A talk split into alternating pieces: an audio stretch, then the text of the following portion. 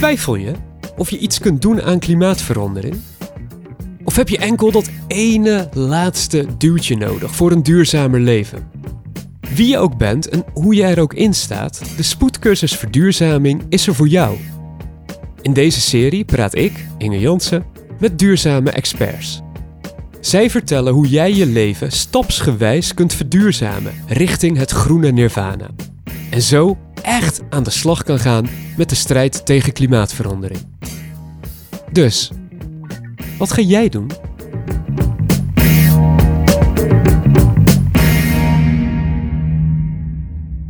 Nu wordt het spannend. Serieus spannend. Via bewustwording en kleine aanpassingen ben je al aardig op weg richting het duurzame paradijs. In deze podcast krijg je tips en inspiratie om misschien wel de grootste stap in je duurzame carrière te zetten. Want waar besteed je vaak de meeste tijd en energie aan? Precies, werk. Of je nou parttime of fulltime werkt, werk is in veel gevallen dé activiteit die het meeste verschil maakt in de wereld. Wat als je al die moeite investeert in een duurzaam doel? Maar ja, hoe doe je dat? De stap maken naar een groene carrière. Kun je dat wel, ongeacht je vooropleiding? Is het geen verwaarlozing van je talenten?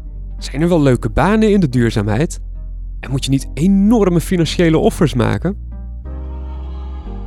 Dat en nog veel meer weet duurzame loopbaancoach Aniek Smeddes. Zij helpt mensen namelijk bij de overstap van een normale baan naar een duurzame carrière. Een goed voorbeeld daarvan is de carrière van Brigitte Vlaswinkel. Negen jaar werkte zij bij Shell, maar toen ging bij haar definitief de knop om. En sindsdien is zij actief met duurzame energie en de plastic soep. Aniek, Brigitte, welkom. Hoi. welkom. welkom. Een vraag voor jullie beiden, zodat we even weten waar we het precies over hebben. Hè? Een normale carrière, een duurzame carrière. Aniek, hoe zou jij een duurzame carrière definiëren? Dat is voor mij uh, werk, dus dat je gedurende je werkzame uren inderdaad weet welke maatschappelijke waarde jij creëert. En maatschappij is dus sociaal, maar ook planeet. Een voorbeeld zou zijn? Dat je weet of jij eh, bijdraagt aan inderdaad de duurzame energie, maar soms ook bijvoorbeeld het duurzaam produceren van eh, textiel. Kan ook. Wat is een onverwacht voorbeeld van een duurzame carrière waar mensen niet aan denken als je het hebt over duurzaam werk? Nou, juist eigenlijk dat je heel erg op basis van je vak uh, bijdraagt aan het uh, organisatiemodel van de werkgever. En dat dan die werkgever, die heeft een duurzame missie. Dus Brigitte bijvoorbeeld vind ik een typisch voorbeeld die op basis van haar vak uh, nu bijdraagt aan positieve impact. Brigitte, als mensen dat aan jou vragen, jij zegt dan ja, ik heb een duurzame carrière en ze vragen wat is dat dan? Wat zeg je dan? Nou, ik zit natuurlijk echt in de energiesector. Dus wat dat betreft is het heel simpel. Ik ben gegaan van het zoeken naar uh, fossiele, fossiele brandstoffen naar het op zoek gaan naar oplossingen voor uh, groene energie, hernieuwbare energie. Dus voor mij is dat, is dat het antwoord. Aniek Smeddes, jij bent eigenaar van het loopbaanadviesbureau Sustainable Talent. Op LinkedIn schrijf je: Mijn doel is om alle bedrijven en professionals te linken aan duurzaamheid. Mijn frustratie bestaat eruit dat duurzaamheid nog steeds uitgevoerd wordt door een eco-elite, terwijl de wereld een massatransitie nodig heeft. Je moet even lachen als ik eco-elite zeg. ja. ja, ik vind duurzaamheid vaak uh, nog steeds een ingewikkeld. Hè? Dus het wordt vaak ingewikkeld. Het is ook complex, maar het alleen maar houden in het ingewikkelde discours, hè? dus alleen maar met de knappe koppen erover praten, dat helpt de boel niet te versnellen. Uh, terwijl we eigenlijk allerlei kennis en kunnen nodig hebben om uh, ja, tot duurzame transitie te komen. Dan kom jij om de hoek kijken, ja. want jij bent een duurzame loopbaancarrièrecoach. Ja. Wat is dat? Ik help mensen inderdaad uh, met hun vragen als ze zeggen: ik wil, uh, na, ja, ik wil werken in duurzaamheid. Wat moet ik doen? Waar kan ik beginnen? Dus mensen hebben zelf behoefte aan zingeving, aan werken aan zingeving en willen dat op een gegeven moment handen en voeten geven. En waar bestaat de zingeving dan uit? En ik maak dat heel concreet. Jij doet het nu vijf jaar? Ja. Zie je daarin een lijn? Is er meer animo voor? Neemt het juist af? Zitten er bepaalde bewegingen in dat bepaalde sectoren juist op zoek zijn? Ja, er is uh, een stijgende lijn. Dus, uh, dus er is sowieso nog steeds wel animo bij veel mensen die een zogenaamde switch willen. Dus met name inderdaad nu mensen bij banken. Dus heel veel bedrijven die eigenlijk totaal aan het reorganiseren zijn.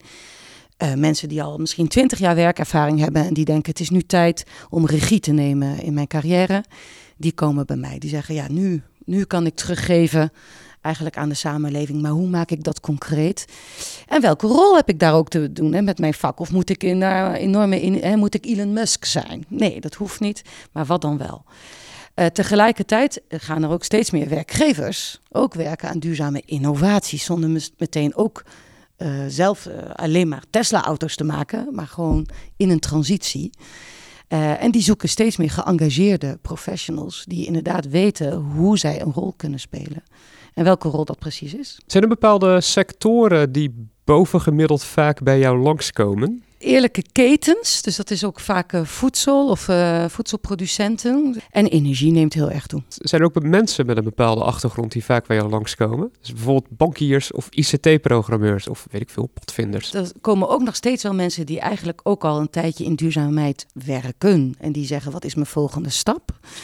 En als we het echt hebben over switchers, als het ware, dan zien we mensen ofwel bij gemeentes, ofwel inderdaad ook bankiers. Op dit moment veel reuring bij bankiers. Die willen niet meer bij de banken werken. Daar zit een beetje, ja, daar flyer je ook. Je staat hier stiekem buiten bij de Rabobank in Utrecht. ik uh, heet ze van harte welkom. En er, is ook nog, uh, er zijn ook nog veel mogelijkheden binnen de Rabobank. En dat vind ik nog interessant. De directie van Rabobank zegt ook nog, ik wil, ik wil door. Dus het zit ook nog soms intern zijn er mogelijkheden. Er komen veel mensen hier binnen. Ja. Die hebben dan zoiets van een switch in mijn carrière. Ja. Wat zijn de grootste angsten die zij dan op tafel leggen? Nou, de, de grootste zorg is eigenlijk dat ze denken dat ze te weinig kennis hebben. Dus mensen denken echt dat ze een radicale. zeggen echt: moet ik terug naar de universiteit of zo? Moet ik terug naar school? En als ze dan zeggen van, als ik dan zeg, nou dat hoeft niet. Bijvoorbeeld, ik had een voorbeeld van iemand die was coach of uh, teamleider. Dus een coach en teamleider van in de zorg. Dus die uh, stuurde een team van 15 professionals aan die dan allemaal zorgdingen deden. Maar hij was verantwoordelijk voor de planning, uh, voor dat zij professioneel hun werk konden doen, begroting, budget, et cetera. En hij had zijn eigen huis helemaal energie-neutraal gemaakt. En zei dus nu, moet, naar welke school moet ik? Toen zei ik, nou, waarom word je niet gewoon leidinggevende bij een energiebedrijf, bij een duurzaam energiebedrijf? Want je kunt leiding geven. En er zijn ook heel veel duurzame werkgevers die behoefte hebben aan leidinggevende mensen. En dat jij enthousiast en ook al kennis hebt over het energietransitie, omdat je je huis uh, hebt gedaan, dat is juist heel erg goed voor je motivatie. Maar ga niet uh, radicaal carrière switch doen. Geld?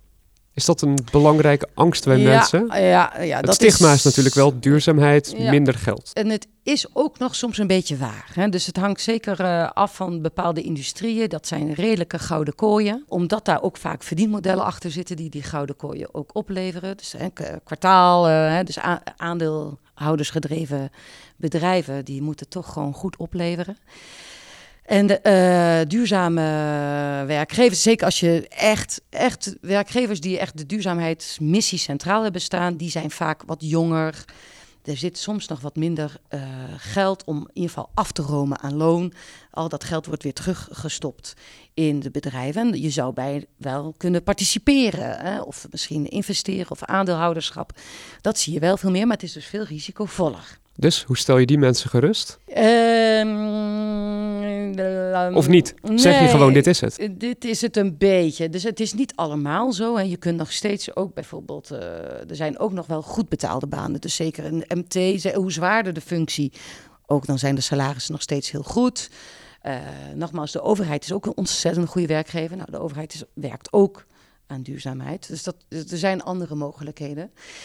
Maar als je echt bij die sexy bedrijven wil, hè, kijk, die sexy bedrijven, die uh, zijn leider in de markt. Die kunnen ook de lonen omlaag gooien. Want die zijn gewoon een talentenmagneten. Wie zijn dat, die sexy bedrijven? Nou, Tony Chocoloni, uh, Ocean Cleanup, weet je wel. Er zijn een aantal echte brands. Die uh, zetten een vacature uit en er reageren gewoon echt heel veel topmensen. Ja, en dan krijg je wel markt van vraag en aanbod. En dan gaat je loon dus misschien wel omlaag.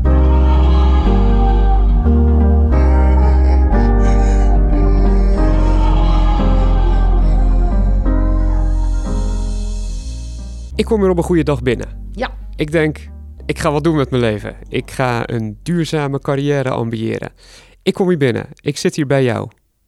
Neem me mee. Wat gaan we doen? Ja, eigenlijk stel ik altijd uh, vijf vragen eigenlijk aan mensen van waar, waar ze staan. Want ik merk dat mensen in hun carrière switch komen ze langs vijf fases. En ik wil dus weten waar sta je. Dus mijn eerste vraag zou zijn: wat versta je zelf onder een baan in duurzaamheid? Als mensen daar nog geen idee over hebben of dat niet kunnen specificeren, dan gaat het hen niet goed lukken om werkgevers te vinden. Dus dan moet je bij mij binnen bij die vraag 1. Sommige mensen zeggen: nee, nee, ik wil werken aan uh, duurzame energie. Of nee, nee, ik wil werken aan uh, korte voedselketens of zo. Want dat is dan CO2-neutraal. Nou, dan zeg ik oké, dan weet je wat, welke werkgevers heb je dan al voor ogen? En als dat dan maar echt een top 3 is, dan ga ik dat uitbreiden. Dan ga ik helpen meer werkgevers in, in kaart te brengen. Als ze dat wel al hebben, kom je bij stap 3, is hoe voeg jij waarde toe? Dus hoe, wat kan jij op basis juist van je vak en je ervaring, of als je een starter bent, weet je, op basis van toch je ja, talenten of je ervaringen die je dan misschien extra curriculair hebt gedaan, hoe kan jij waarde toevoegen? Dat is eigenlijk stap drie. Stap vier is als je dat al wel weet, dan, maar ze weten niet dat je er bent, is meer hoe word je zichtbaar. En stap vijf, en dat is eigenlijk ook weer stap nul bij mij, is als mensen zeggen, nou ik heb het echt gehad, ik wil nu naar een duurzame werkgever. Dat ik dan toch ook zeg, kan je niet groeien binnen je huidige werkgever. Dus ik vind ook dat mensen niet te snel moeten switchen. Het is niet switchen of het gas van de, de, de buren is niet altijd groener. Ja, dat klinkt ook gelijk als een heel radicaal ding. Ik kom hier binnen en alles gaat veranderen. Ja, nee, dus ik, ik probeer juist eerst te vragen: wat heb je al geprobeerd binnen je huidige werkgever? Om te kijken of je daar niet veel meer kunt aanhaken uit de duurzaamheid. Maar dat betekent wel dat je ook je daarin moet ontwikkelen. Zijn er dingen waar gewoon geen equivalent van is? Waar gewoon de duurzame wereld nog geen banen voor heeft? Nou, dat weet ik eigenlijk niet. Nee, dat weet ik. Bijvoorbeeld de accountant, hè, wordt wel eens tegen mij gezegd van hebben accountants, uh, dat is, dan moet je gewoon je financiële rapportage doen. Maar accountants hebben dit moment heel nieuw uh, denkkader om veel meer uh, dus impact te laten zien in maatschappelijke waarden. Dus die hebben hele nieuwe boekhoudregels zelfs. En er komen massa's nu mensen, pas geschoolde accountants, die een heel ander jargon alweer hebben dan de, de ervaren accountants. Dus ja, ja. Nee, ik weet het. En, uh, of secretarieel of zo. Maar daar kun je ook nog heel veel in facilitair management betekenen. Ja, dus ik, ik denk dat aan heel veel functies kan je duurzame impact hangen. Radiomaker. hey, ik maak dit. dan gaat het veel meer over de inhoud. Hè? Precies. Ja, dus dan ben je toch ook bezig met de ah, kijk, dus- bewustwording. Dus, dus stel voor dat ik nu hier zat ja. en ik zat hiervoor eigenlijk bij Radio 538. Ja. Dan had ik dus nu al de juiste switch gemaakt richting duurzaamheid. Ja, maar we, ja. Zeg, gewoon zeg maar ja. Zeg maar ja. Ja, ja, precies. Jongen. Gelijk zo moeilijk.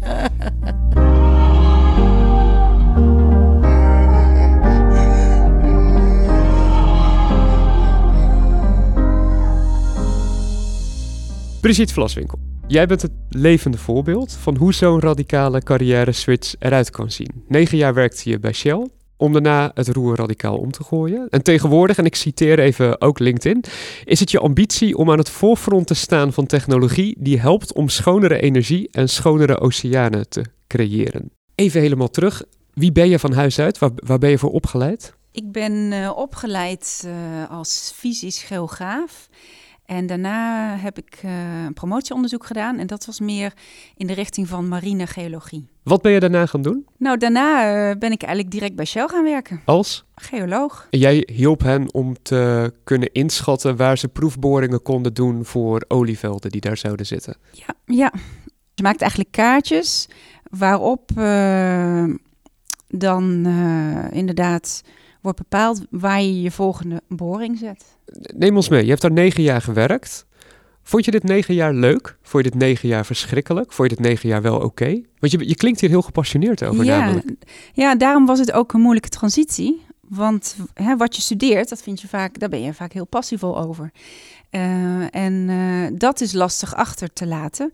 En dat werk, uh, tenminste wat ik heb gestudeerd, daarvoor ben ik wel naar Shell gegaan. Dus dat, dat was in het begin hartstikke leuk om te doen. Zeker omdat ik in die onderzoekswereld zat. En dat vond ik heel erg leuk. Uh, maar dat veranderde wel na een aantal jaar.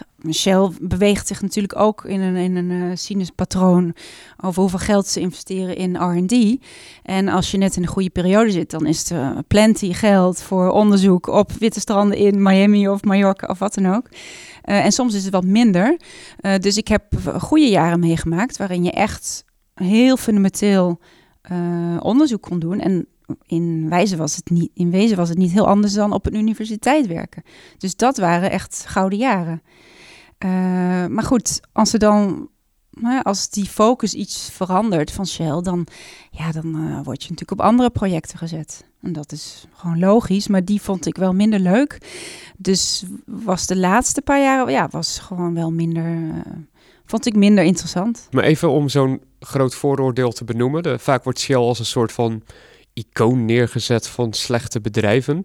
Zo klink jij niet over dit bedrijf. Nee, het is fantastisch om daar te werken. Maar toch kwam daar dat moment. Ja, dat moment kwam. Ja, als je dan toch minder de dingen kan doen binnen je werk waar je echt uh, als onderzoeker passie voor hebt, ja, dan komt dat, dat beetje uh, vervelende, knagende gevoel van je geweten komt toch langzaam meer naar de oppervlakte.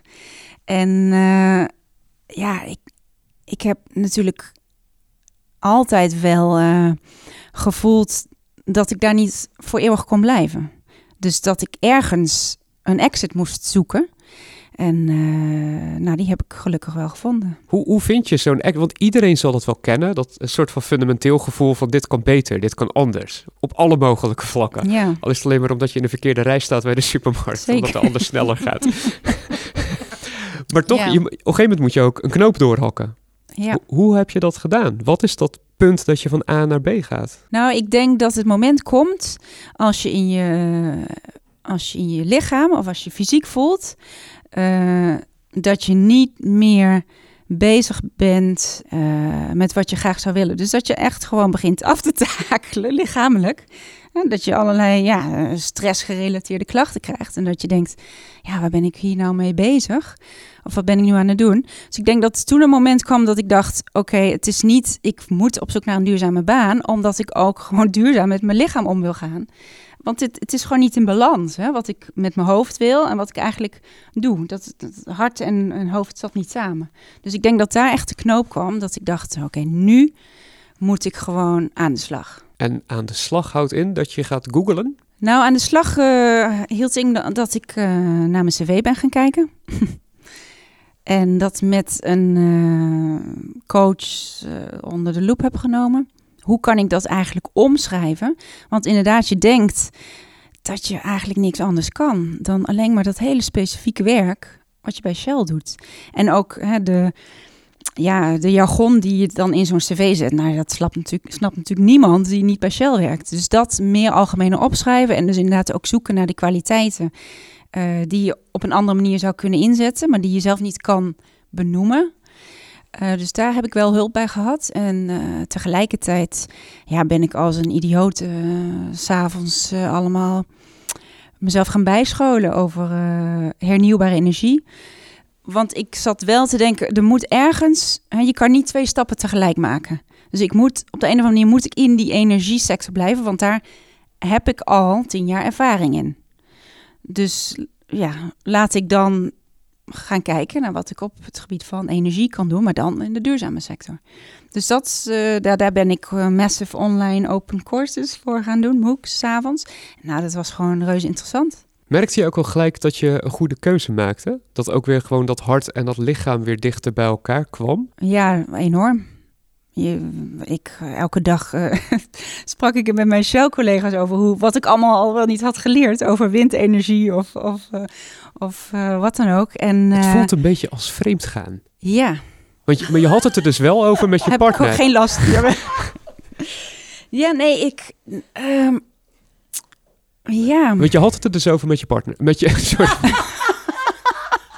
Oké, geweldig. Ik hoop ook met je partner.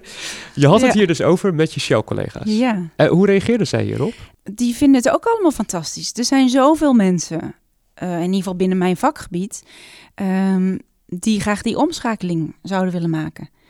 Ehm, dus wat dat betreft eh, is, daar, ehm, is daar wel interesse voor. Of ze de volgende stap maken, dat is een ander punt. Dat doen de meesten niet. Maar dat heeft andere redenen. Wat voor redenen? Nou, angst. Voor het onbekende. Ja. Wat waren voor jou de grootste barrières om te nemen? Nou, heel persoonlijk op zich. Hè, het, af, ehm, het afscheid nemen van je vakgebied. Eh, wat dan eh, in dit geval natuurlijk marine geologie is. Eh, want dat ging ik natuurlijk niet doen als ik me bezig ging houden met duurzame energie. Dus dat vond ik als eerste lastig.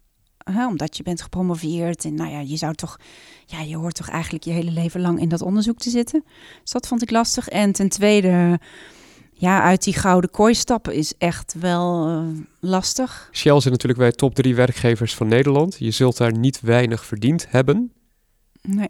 Hoe eh, heb je dat overleefd? Nou, dat heb ik overleefd. Dus kijk, daar- Nee, maar dat is wel een heel praktisch, maar ook wel een heel lastig ding natuurlijk. Dat je, er zit wel een soort van inkomensval. In ieder geval in het begin zit erin. zeker weten.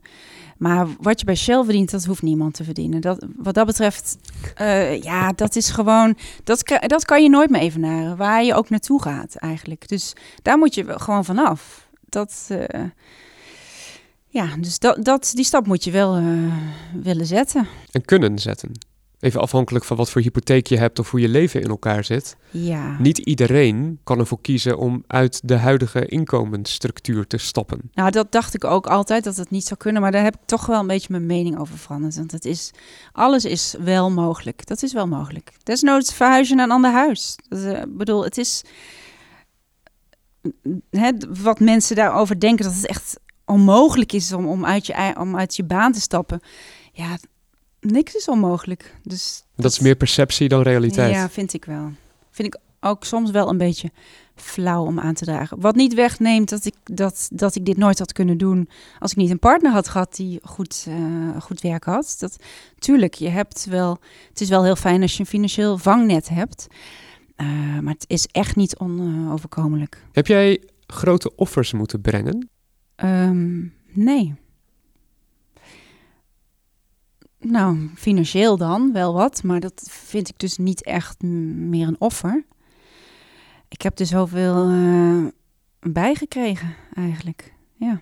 Hoeveel mensen hebben tegen jou gezegd: kun je niet beter bij Shell blijven, want dan kun je het van binnenuit hervormen? Nou, dat dacht ik zelf ook wel. Dus hè, die stap nul, waar Aniek het over had, heb ik ook echt wel geprobeerd.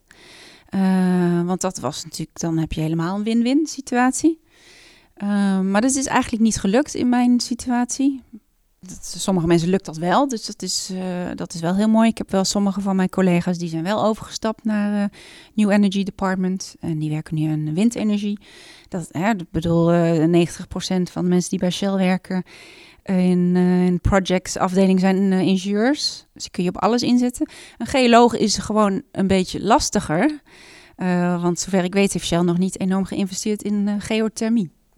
En dat is eigenlijk het enige wat je kan doen als geoloog. Dus dat is heel dat is lastiger als je zo heel ja, specialistisch bent opgeleid.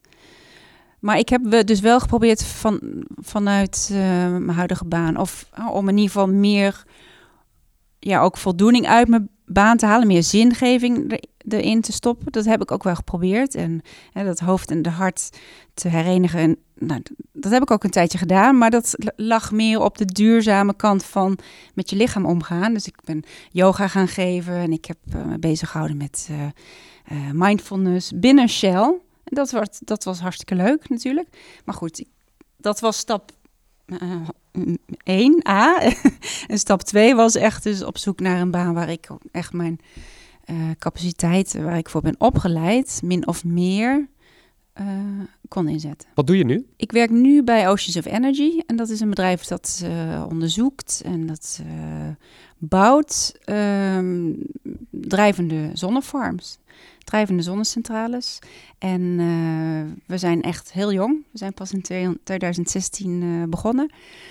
En dus dat, ja, dat is iets heel anders dan bij zo'n heel groot bedrijf. We zijn met drie mensen begonnen en nu zijn we eh, met ongeveer twaalf. En eh, ja, echt een innovatieve technische start-up. Ik ben uh, research director. Uh, dus we hebben ja, een engineer, engineers department en we hebben een research department. En dat leid ik. Dus ik uh, zet uh, nieuwe onderzoeksprojecten op. Ik zoek partners. Ik, ik zorg voor funding ook. Maar ik ben ook verantwoordelijk voor eigenlijk alles wat we kunnen gaan verwachten aan impact, environmental impact. als we inderdaad naar de zee gaan en daar grootschalig zonne-energie gaan opwekken. Wat zou jij tegen mensen zeggen die nu nog twijfelen over die stap die jij al gezet hebt? Nou, angst is nooit een goede drijfveer om ergens te blijven. En je kijkt niet echt terug en denkt: Goh, ja, dat is toch wel jammer dat ik dat niet meer heb. Want dat is er natuurlijk. Er zijn heel veel dingen die je moet laten gaan. Maar dat doe je eigenlijk niet. Je kijkt gewoon naar voren en uh, er is zoveel mogelijk. Er is zoveel te doen dat je eigenlijk helemaal geen angst hoeft te hebben. Weet jij nog wat, uh, wat je hebt gedaan om echt die angst te verkleinen? Nou, ik heb veel met mensen gepraat en ik heb wel het idee dat, uh, dat ik steeds meer en meer vertrouwen krijg in mezelf. En dat je voelt dat je dat, ja, dat je dat gewoon kan doen. Dat je vertrouwen hebt in dat wat je gaat, hè, die stap die je gaat zetten. Um, dat je daar uh, wel positief uitkomt. Dus misschien ja, mijn zelfvertrouwen ja. om ja, omhoog. Uh, ja, ik meen ook, ja, ik meen ook te merken dat als je dus echt een beetje gaat verkennen, dan wordt het minder ver weg. Dan wordt het minder onbekend. Dat dat een belangrijk ding is. Dat, dat is je het heel belangrijk ding. aan moet gaan raken. Ja. Dat ding waar je zo bang van bent. Ja, je moet gaan verkennen. Klopt. Je moet mensen gaan spreken van hoe anders is nou jouw baan. Inderdaad, heb ik, moet, moet je een financieel offer? Hoe groot is dat offer dan? Hoe heb je dat ingericht? Ja. Nee, dat dus klopt. Maar ik ben inderdaad. Ja, ik ben ook trouwens wel inderdaad ergens gaan werken als vrijwilliger. Dat was al, uh, zeg maar, uh, uh, toen ik nog bij Shell werkte. Maar ik werkte vier dagen in de week bij Shell. Uh, toen ben ik ergens bij, in Delft bij UNESCO, IHE, Water International, ik weet even niet meer hoe het heet, IHE-instituut ben ik gaan werken. en dat, ja, dat raakt wel echt aan, aan duurzaamheid. Dat ging over waterkwaliteit. en dat heeft me ook wel veel zelfvertrouwen gegeven. Ook al wist ik niks inhoudelijk van de baan. Je kon het wel. Ik kon het gewoon. En dus dus daardoor kreeg ik wel het gevoel van: oké, ik, ik ga misschien heel ander werk doen, maar ik heb heel veel capaciteiten en, ik, en, en bepaalde dingen kan ik gewoon min of meer één op één overzetten. Doe iets. Ja. Als advies. Ja. Ga het gewoon proberen. Ja. In het klein. Ja, in het klein. Ja, precies. Nee, ik hoef niet, mensen hoeven niet in één keer alles... Nee. Uh... nee. Dus ik zou, echt, ik zou het eerder verkennen. Hè? Dus niet radicaal, doe iets, maar verkennis. Ja. ja. Je luisterde naar de Spoedcursus Verduurzaming. Een podcast van Anouk Burgman en Inge Jansen voor Vrij Nederland. De hele spoedcursus vind je op www.vn.nl/slash spoedcursus. Hier kun je ook de hoogtepunten per podcast bekijken als strip, gemaakt door Meili Nieuwland. Bovendien vind je op www.vn.nl/slash spoedcursus een quiz om te bepalen in welke duurzame fase jouw leven zich bevindt en welke aflevering van de podcast het beste bij jou past.